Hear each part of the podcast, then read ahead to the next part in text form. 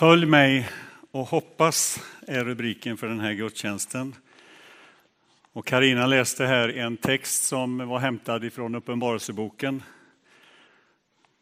Och låt oss lägga upp den igen, den bilden. Uppenbarelseboken 21, 3-4. Se, Guds tält står bland människorna och han ska bo mitt ibland dem och det ska vara hans folk och Gud själv ska vara hos dem och han ska torka alla tårar från deras ögon. Döden ska inte finnas mer och ingen sorg och ingen klagan och ingen smärta ska finnas mer. Ty det som en gång var är borta. För några år sedan stod jag eh, i en kyrka och hade en begravning. Det var en sån där tung begravning. Den som skulle begravas hade inte ens fått uppleva sin tvåårsdag. Ett litet barn. Och när man står där så känner man sig ganska liten inför det som, det som är frågorna omkring livet och döden och varför och så vidare. Och det går ju inte att komma med några svar på det. Utan på något sätt så måste man i en sån situation finna någon slags tröst, någon slags eh, hopp. Något att hänga tag på, eller ta tag i. Vi var inte många på den där begravningen. Det var den närmaste familjen. De flesta platserna gapade tomma. Och tom känner man sig och tom står man där inför en sån uppgift. Den här helgen så minns vi alla de som har gått före oss, nära och kära, de som lämnat oss. Överallt så tänder man ljus, går till kyrkogårdar. Eh, döden gör sig påmind och jag tror att vi alla har någon slags, eller olika slags förhållningssätt till detta med döden. Ena sättet kan ju vara att man förtränger detta med döden. Vi talar inte om det. Om någon drabbas av sorg så har vi svårt att veta vad vi ska säga. Svårt att ta oss in i ett sådant sammanhang.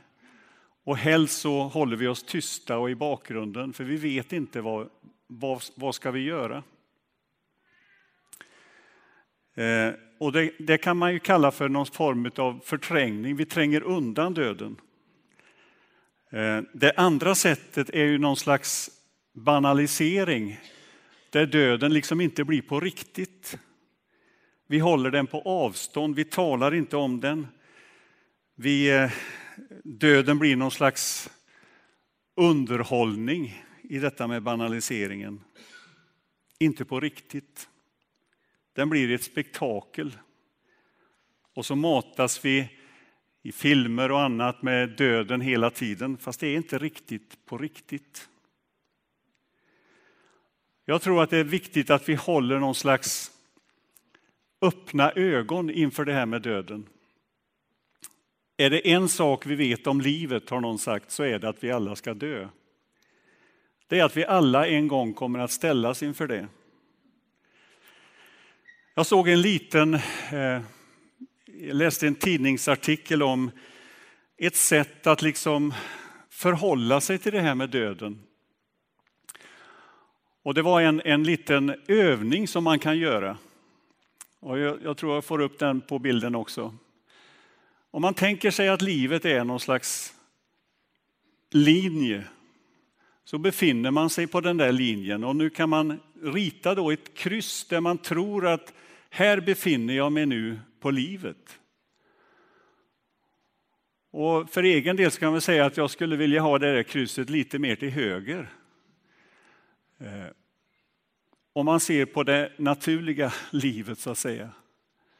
Det som ligger till vänster om krysset, det är ju det som har varit det som eh, vi har gått igenom, det som vi inte kan göra så mycket åt. Och det som ligger till höger om krysset, Där kan man ju ställa olika frågor.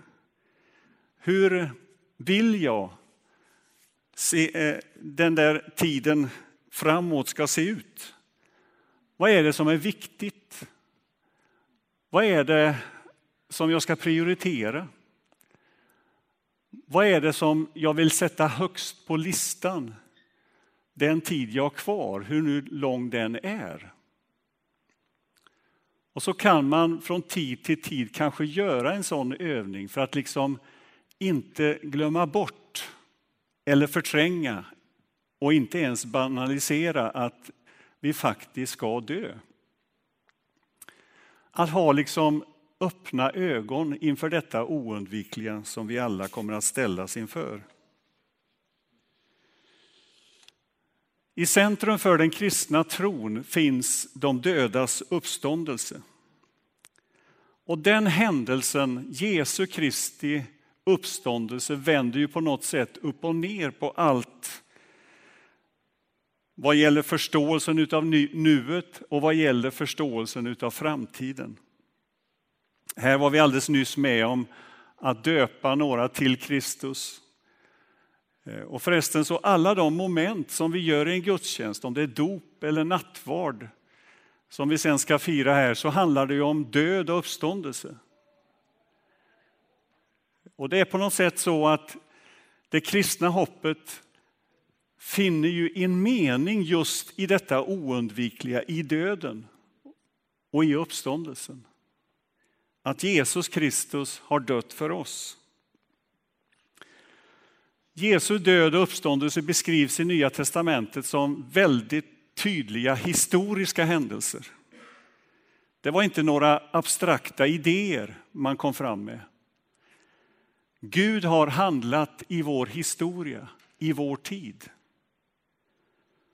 Och historien och sanningen är på något sätt oskiljbara för Nya testamentets författare.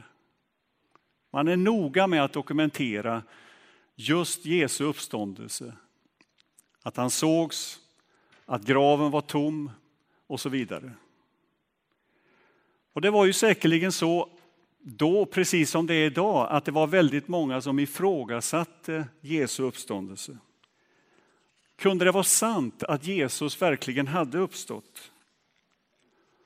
Och Nya testamentets författare argumenterar utifrån de här påståendena om att det inte har skett. Till exempel Paulus i första Korinthierbrevet 15 ägnar ju ett helt långt kapitel åt att argumentera utav betydelsen av Jesu uppståndelse. Och han slår ju fast i den utläggningen att allt står och faller med den händelsen. Och han säger det i ett sammanhang där romarna då hade korsfäst Jesus Kristus och där korsfästelsen på något sätt talade om för alla människor att detta är slutet. Det var korsfästelsens budskap. Korsfästelsens budskap för en romare det var att, att romarriket härskar.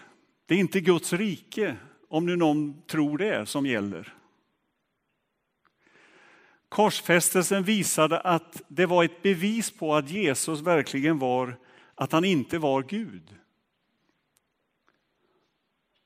Och I Gamla testamentet står det ju till och, med, till och med att förbannad är den som är upphängd på trä. Det var alltså otänkbart för både en romare och för en jude att ens tänka tanken att någon som blev upphängd på trä skulle vara Guds son. Spelet var över. Och i den miljön, i de argumenten, så argumenterar Nya testamentets författare och lärjungarna att Jesus lever. Han har uppstått från de döda. Och vad säger då uppståndelsen oss? Jo, den säger för det första att spelet är inte över. Gud har inte förlorat kontrollen. Gud har inte tappat greppet. Och uppståndelsen säger oss att den nya skapelsen har börjat redan nu. Guds rike är här. Därför att Guds rike är ytterst uppståndelse från de döda. Och om det redan har börjat i och med Jesus, ja då finns det inget som kan stoppa det, hindra det.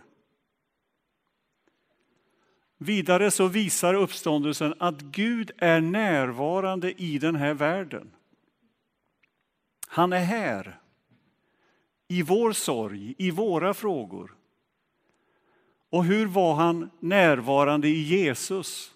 Vad är det för bilder vi ser utav Jesu närvaro, utav Guds närvaro i den här världen? Jo, han finns i en krubba. Han uppenbarar sig med ett tvättfat och tvättar lärjungarnas fötter. Och han hänger på ett kors i lidandet, i sorgen, i smärtan. Och det är de platserna, de tecknen där Gud också finns idag. I det enkla, i det som ingenting är, underifrån. I tjänargestalt. Han går fortfarande omkring med ett tvättfat och en handduk och tjänar och ger sitt liv till lösen. Så vi måste tillbaka till Jesus själv för att hitta tröst och kraft. Och vi sjöng här alldeles nyss, fäst dina ögon på Jesus. Där finner vi hoppet. När man läser en sån text som vi nyss har läst från Uppenbarelseboken, då ska vi ha i minnet att den är skriven och har sin bakgrund i ett sätt att skriva som på något sätt kan liknas med någon science fiction. En judisk apokalyptik. Man skrev med hjälp av bilder, med symboler, med siffror, med färger, med ljud. Det var så som. Och så använde man ett språk som eh, finns också i Gamla testamentet, i Hesekiel till exempel. Och Uppenbarelseboken är skriven på något sätt att vi ska förstå att det, det är inte bilderna i sig utan det är en underförstådd tanke i detta. Och Uppenbarelseboken är skriven som en motskrift mot makthavarna vid den tiden. Mot den förföljelse som de kristna fick utstå. Mot den konflikt som de troende levde i. Och frågorna som ligger bakom Uppenbarelseboken det är ju vem har egentligen makten? Vem har sista ordet? Var finns Gud när hans folk lider, när världen håller på att gå under? Finns det någon tröst? Finns det något hopp? Vad händer när vi dör? Det är i de frågorna som Uppenbarelseboken är skriven. Och låt oss bara läsa en enda vers om hur frågorna ställs i Uppenbarelseboken i det sjätte kapitlet och den tionde versen. Hur länge, du sannfärdige och helige härskare, ska du dröja med att hålla dom och utkräva hämnd för vår blod på jordens invånare? Hur länge ska du dröja, Gud? Och det svar som Johannes får, det är ju ganska märkligt. Och det syns redan i de första tidiga kapitlen i Uppenbarelseboken. Johannes får se ett slaktat lamm. Eller ett lamm som såg ut som om det hade blivit slaktat. Det är dit vi måste gå för att finna hopp. Och när Johannes vänder sig om och får se det här lammet.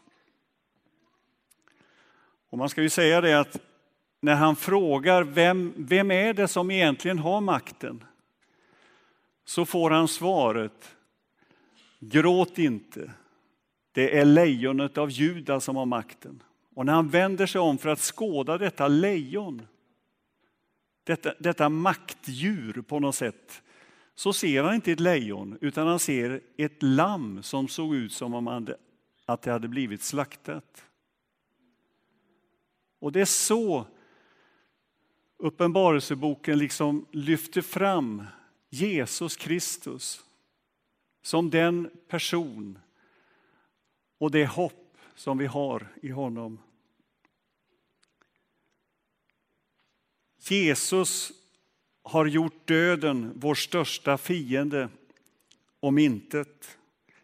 Den mest avgörande händelsen har redan ägt rum i historien.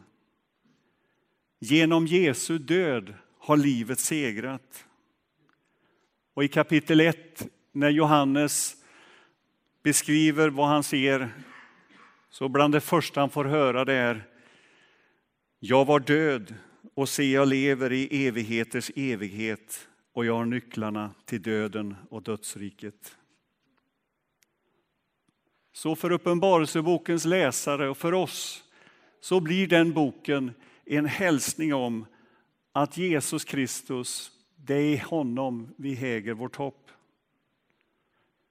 Lammet i Uppenbarelseboken blir vår inspirationskälla till att leva här och nu. Den händelsen den är startpunkten för en total upprättelse av hela historien. Uppenbarelseboken handlar inte om att fastställa tider och stunder. Det handlar inte om en flykt bort ifrån den här jorden. Utan det handlar om ett hopp att leva här och nu. Ett hopp som förändrar våra liv. Och någon har sagt så här att Uppenbarelsebokens syfte det är inte att sysselsätta våra hjärnor utan att vi ska förändras i våra liv. Ett hopp som gör att vi vill vara med att förändras själv och vara med och förändra den här världen. C.S. Lewis han säger så här. De kristna som har gjort mest för denna världen det är de som tänkt mest på den kommande världen. De som har sett någonting där framme, ett hopp. Och som har tagit in det i vår tid, in i nuet.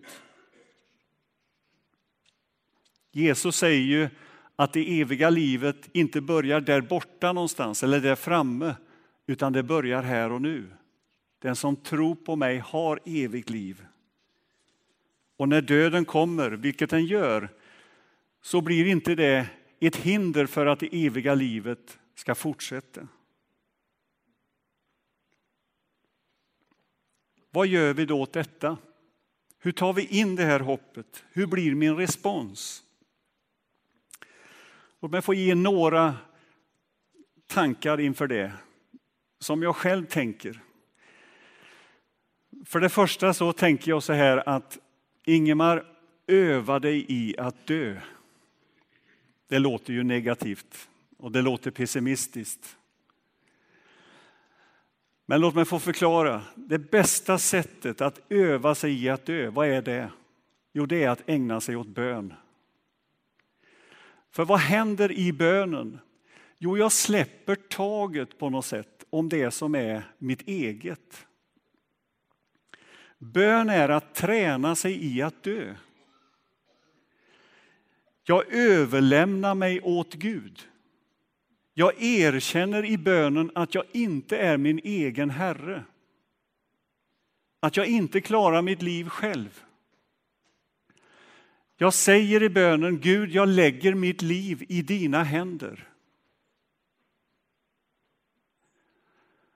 Och den övningen, den kanske är den viktigaste, en av de viktigaste vi kan ägna oss åt. Här nyss var vi med om dopet. Och jag sa till mina vänner när vi möttes här nere tidigare att det, det, är, det är fantastiskt med det här med dopet på ett sätt. Alltså det är ju så tokigt. Alltså här går man ner i vattnet. Man doppas ner i vattnet, inte framåt utan bakåt och så upp igen och under vattnet. Och jag brukar säga, håller jag dig för länge så dör du. Eh, men jag var lugn, jag tar upp dig. Och det är ju också en träning i att överlämna sig åt Gud. Att säga att mitt liv ligger i dina händer, Gud. Det är där jag lägger mig. Och det är ju det som bönen ytterst handlar om. Att jag lägger mitt liv i Guds starka händer. Mitt liv, min framtid, mina relationer, mina bekymmer, min död. Jag lägger det i dina händer. Och jag håller mig fast vid dig. Jag lever med dig. Jag vill gå med dig. Hur ber jag då? Jag har under den sista tiden format tre böner som jag skulle vilja skicka med till dig. Och de kommer här.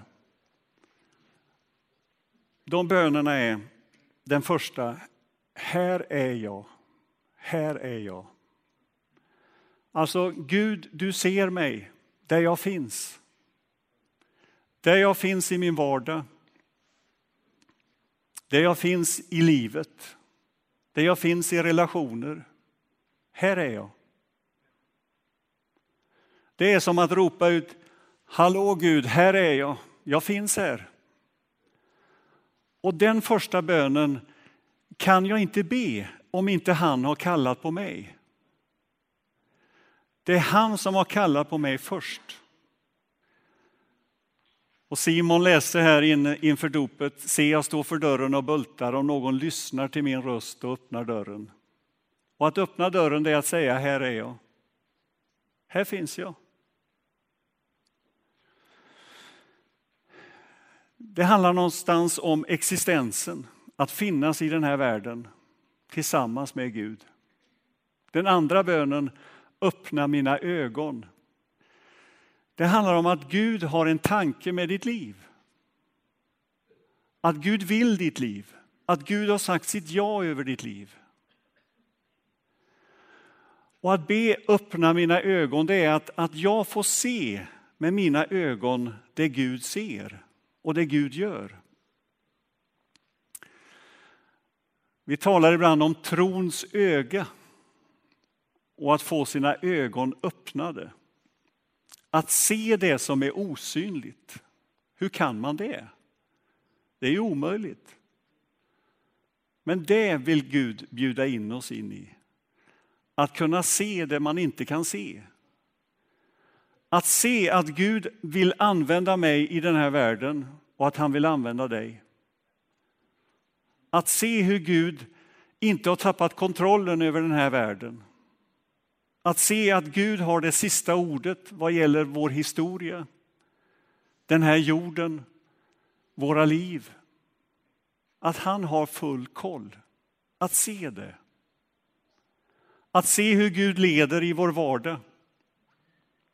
Att se att när jag sitter på bussen på morgonen, eller på båten i mitt fall, så vet jag att Gud vill leda mig just idag. Öppna mina ögon för det. Låt mig få höra det, få se det. Det handlar om att vara här och nu. Inte där framme någonstans, utan här och nu, mitt i livet. Och den tredje bönen, bevara mig. Är det något som är genomgående i Uppenbarelseboken så är det just den bönen att få bli bevarad, att Gud ska leda, beskydda. Att be den bönen, bevara mig, handlar om att Gud gör mig medveten om vilka fallgroparna är i mitt liv. Låt mig få se den där döda vinkeln och vara medveten om den. Låt mig få se och vara medveten om vilka mina brister är. Att bevara sig i ödmjukhet. Att bevaras i beroende. Att bevaras i formbarhet. Att bevaras i detta att jag vill utvecklas. Jag är inte färdig.